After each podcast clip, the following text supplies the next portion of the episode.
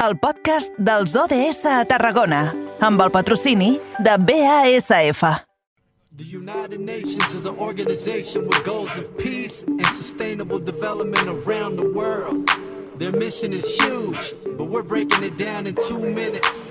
70 sustainable... Amb aquesta sintonia ens dirigim fins als estudis de BXC Ràdio perquè allí tenim el nostre company Jonai González. És l'home qui més en sap d'ODS a l'equip del programa i jo m'atreviria a dir que és l'home que eh, més converses ha mantingut sobre objectius de desenvolupament sostenible al territori eh, des del mes de setembre, perquè cada dia, cada dia, aquest puntal eh, de l'Agenda 2030 el tractem aquí a Carrer Major. Jonai, bona tarda. Molt bona tarda, Edu. Escolta, avui vens fins al Baix Gaià, anem fins a Torre d'Embarra, on fa uns quants dies, i de fet eh, ho vam insinuar altres també en l'informatiu, es va presentar un programa d'educació ambiental. Uh -huh. Avui volem parlar d'aquestes propostes del municipi de Torre d'Embarra en matèria d'educació ambiental per aquest any 2022, que estan centrades, doncs, entre d'altres, en emergència climàtica, protecció dels espais naturals, promoció de l'economia circular i també, per exemple, de la gestió de residus. Per parlar de tot això hem convidat l'Alicent de Forest, tècnica de Medi Ambient de l'Ajuntament de Torre d'Embarra. Molt bona tarda. Hola, molt bona tarda. Bé, el passat Dia Mundial de l'Educació Ambiental vau presentar aquest programa d'Educació Ambiental 2022. En què s'han basat des del consistori per crear aquest programa?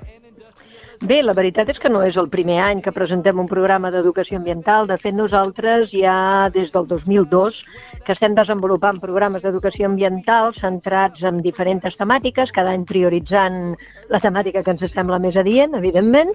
I bé, de fa pràcticament cinc anys que eh, tenim una línia que consisteix en fer eh, doncs, tot un seguit d'activitats centrades en la protecció del medi ambient, centrades en canvi climàtic, centrades en aigua, residus, energia i, sobretot, des de fa un any, intentar lligar-lo també amb els objectius de desenvolupament sostenible que intentem desenvolupar o, com a mínim, impulsar des de la regidoria de sostenibilitat per veure si se'ns apunten la resta de regidories a, a donar-nos suport en el seu desenvolupament.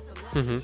Assenyalaves aquests 20 anys eh, que ja porta el municipi de Torredembarra treballant en aquest tipus d'iniciatives, d'activitats. Mm, Com es pot continuar innovant després d'aquests de, anys i també com, com heu fet aquest camí per, per resituar-vos cap a aquesta Agenda 2030?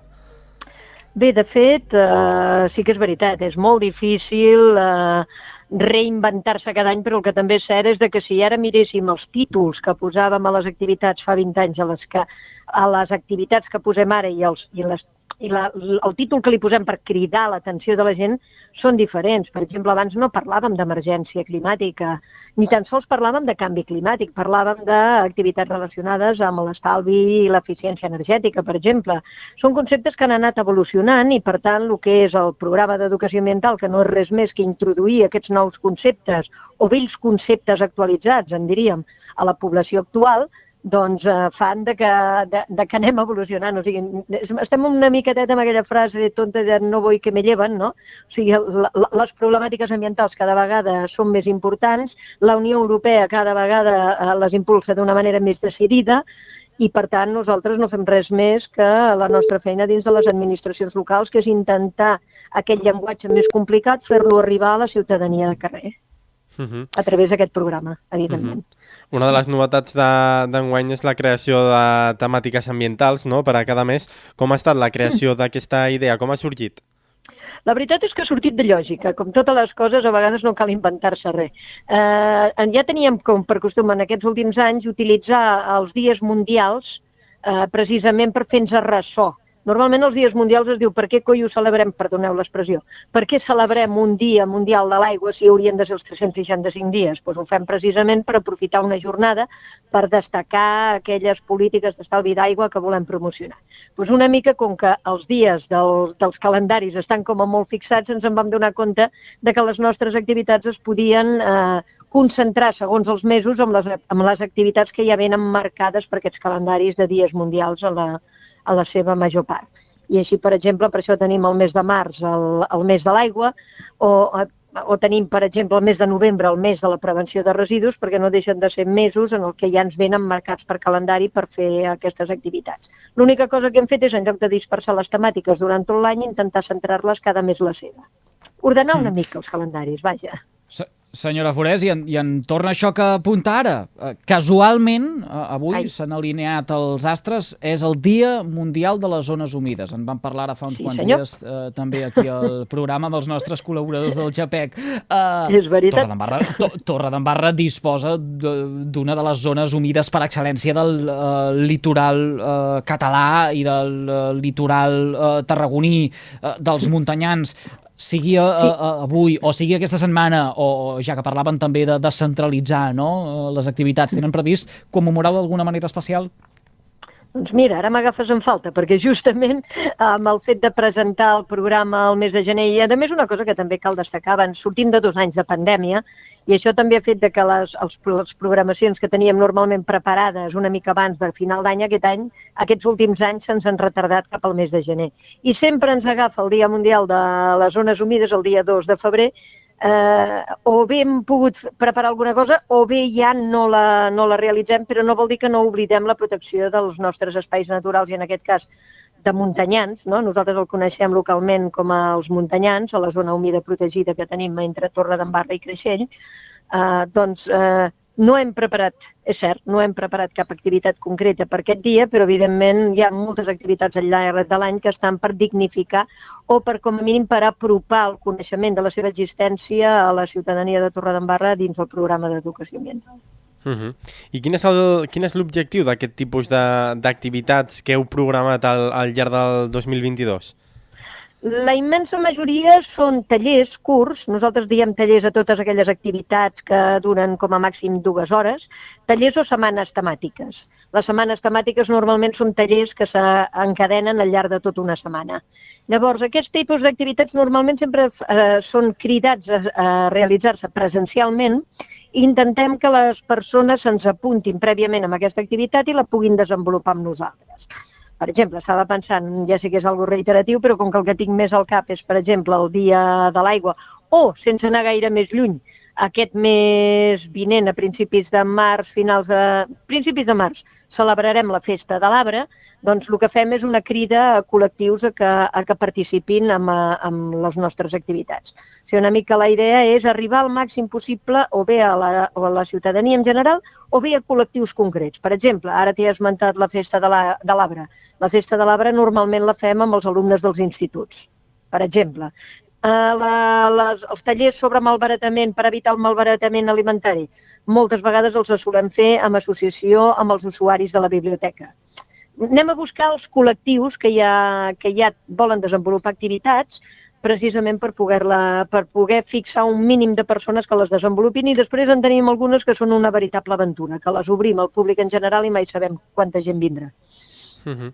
Justament anava a preguntar una mica sobre a, qui van dirigides aquestes activitats, perquè moltes vegades eh, diem això de que els més petits al final són els que ensenyen als seus pares tota, tota l'educació ambiental i Uh -huh. mm, no sé si va per aquest camí, aquesta educació ambiental que programeu. Intentem que agafi tots els sectors. Intentem que agafin tots els sectors. Per exemple, quan hem intentat desenvolupar una recollida selectiva porta a porta en un barri, no l'hem destinat als alumnes de les escoles o als nens o nenes, o ho hem destinat directament a la població adulta. Uh -huh. eh, intentem agafar tots els sectors. Mm, també intentem que se facin moltes activitats en família. Per exemple, el que són el que se denominen els Let's Clean Up, que són les neteges de zones humides, que normalment impulsa l'Agència de Residus de Catalunya i nosaltres ens hi apuntem, no? Fem la convocatòria sí. en una zona natural, per exemple, en aquest cas nostre, en els muntanyans, a fer una, una neteja de l'espai natural, són activitats familiars. Intentem que vinguin els fills, però que també vinguin els pares. Quan arriben els, la, la, la temporada dels casals d'estiu o arriben a la, la temporada de, de lo que són els camps de treball, intentem que siguin els joves els que participin. Ja dic, intentem que hi hagi durant tota l'any activitats destinades als diferents sectors de la població, sense, sense incidir només amb els joves. Joves, nens, nenes, joves i gent gran. Fins i tot I algunes vegades hem de... perdona. No, no, no, no, no dic, i, i amb tanta insistència, eh, al, al final la ciutadania eh, eh, acaba eh, assumint aquests conceptes que s'intenten mostrar, ensenyar, aquests comportaments que en moltes ocasions no són els adequats.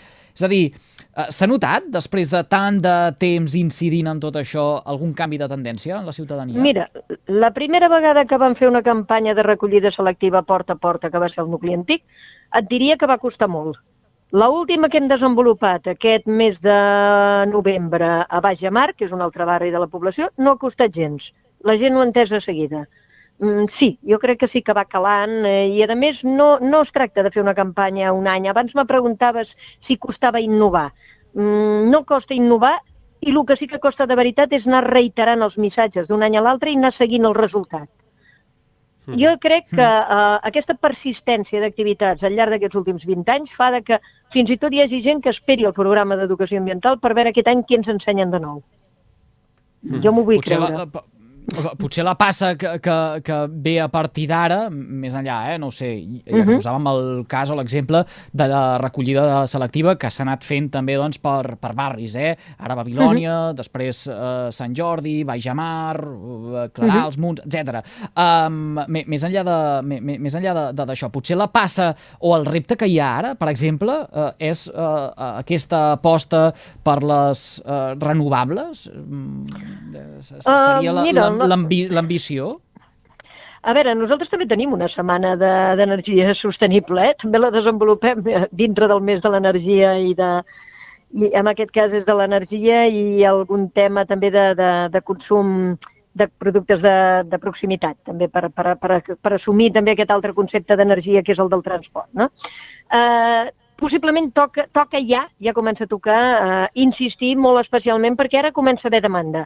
No solament hi ha demanda a través de les persones que tenen una certa necessitat bàsica de cobrir les, la, el que és els subministraments elèctrics, el que anomenem i coneixem com la, les persones que estan sota pobresa energètica, sinó que també hi ha una necessitat que cada vegada es fa més creixent de, de, de saber i conèixer què s'ha de fer per consumir menys energia i tindre el mateix, consol, el mateix confort o què utilitzar perquè l'energia se pugui utilitzar d'una manera més eficient. I, I aquest interès ve forçat per aquests increments del preu de la llum i precisament per aquestes crisis que, que, que comencen ja a albirar-se amb tot el tema de lo que és el consum de les energies fòssils. Mm, tots sabem que cada vegada serà més difícil tenir petroli, cada vegada hi haurà més dificultats amb, amb tenir gas sense entrar en zones de conflictes bèl·lics. Mm, són de, tots intentem ser el màxim d'autosuficients possibles i abans, que sonava com una cosa molt estranya, això de què he de fer per estalviar energia, ara ja comencem a tindre demandes. O sigui, col·lectius de, de, de grups que ens demanen, si plau, què hem de fer per, per conèixer millor el desenvolupament de les energies renovables, normalment, clar, els dirigim a l'energia fotovoltaica o a, la, o a el que és l'energia solar tèrmica, que són les que són més properes a la ciutadania. En el nostre cas a Torredembarra no hi ha cap possibilitat de desenvolupar energia eòlica. Uh. -huh. I... De, manera, de manera que sigui rentable, me refereixo. Eh? Suposo que posar un molí que no volta mai es podria posar, però no és el cas. Uh -huh. I com es valora des del consistori aquesta feina de 20 anys i aquest, eh, aquest camí cap a l'agenda 2030? Creieu que s'ha fet eh, realment un pas endavant en, en alguna matèria o en, o en moltes? Amb administració pública, el fet mateix de, de que una activitat eh, persisteixi durant 20 anys i se continuï apostant per ella i que ara s'ampliï amb la, el desenvolupament dels ODS i amb el compliment del, del pla d'alcaldes i alcaldesses per la, pel clima i l'energia sostenible, o sigui, el PAESC, no? que, que es coneix a, en el llenguatge administratiu, per mi ja és una, una imatge de valoració, ja, és un, ja es pot dir que se valora aquesta feina i a més que es considera important perquè es desenvolupa eh, invertint una part important econòmica també. Ja sabem de que els diners... Eh, eh està com a molt demostrat de que quan deixes d'invertir en educació ambiental eh, per, per aquelles coses de la comoditat tornen a aparèixer els mals hàbits. O sigui, nosaltres mantenim una política continuada i això vol dir que hi ha una inversió continuada en polítiques d'educació de, ambiental. Uh -huh. I, bueno, crec Senyora que sí que donen rendiment. ho haurem, de, ho haurem de deixar. En tot cas, però, no ens mourem de, no ens mourem de Torredembarra, naltros, ara. I esperi's un momentet, que vostè com a, com, a, com a veïna, com a coneixedora de tot el que es cou i es deixa de coure a la torre, la nostra companya de Ràdio L'Hospitalet de l'Infant ara li farà una pregunta. Uh, Iris Rodríguez, uh, bona tarda de nou. Bona tarda.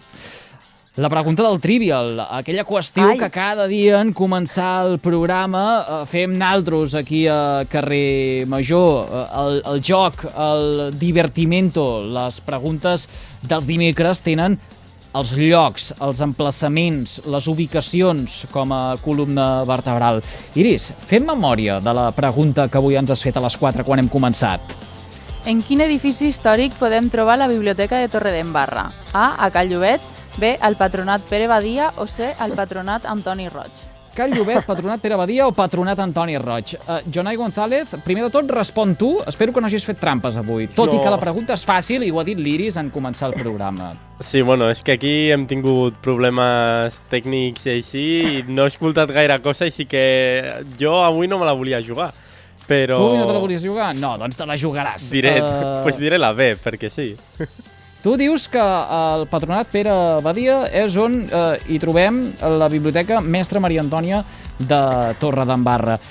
Ara sortirem de dubte eh, gràcies a, a, la directora de la Biblioteca Mestre Maria Antònia de Torredembarra, l'Anna Merino, que també la tenim a l'altra banda del fil telefònic. Però eh, jo abans de marxar li preguntaria a la senyora eh, Forès per, la, per, la, per, per, per, pel que acaba de dir en Jonai, eh, Patronat Pere Badia. Eh, no, eh? No. No. no. No. més aviat no. No és estrictament el meu tema, però com que treballo amb ell sí que sempre està. Uh, ara ho descobrirem. Uh, el patronat Pere Badia no és, per tant en descartem una. El patronat Pere Badia hi trobem unes altres instal·lacions, no? Eh, sí, Aquestes són a la plaça de les Monges. Uh, les places de les Monges, que, que és com es coneix popularment eh, per la gent de, de, la, de, la, de la torre. Uh, però, però vaja, d'això avui no, no en parlem. Moltíssimes gràcies, Elisenda Forès, tècnica de Medi Ambient a l'Ajuntament de Torredembarra. Que vagi molt bé. Fins la propera. molt bé, moltes gràcies a vosaltres.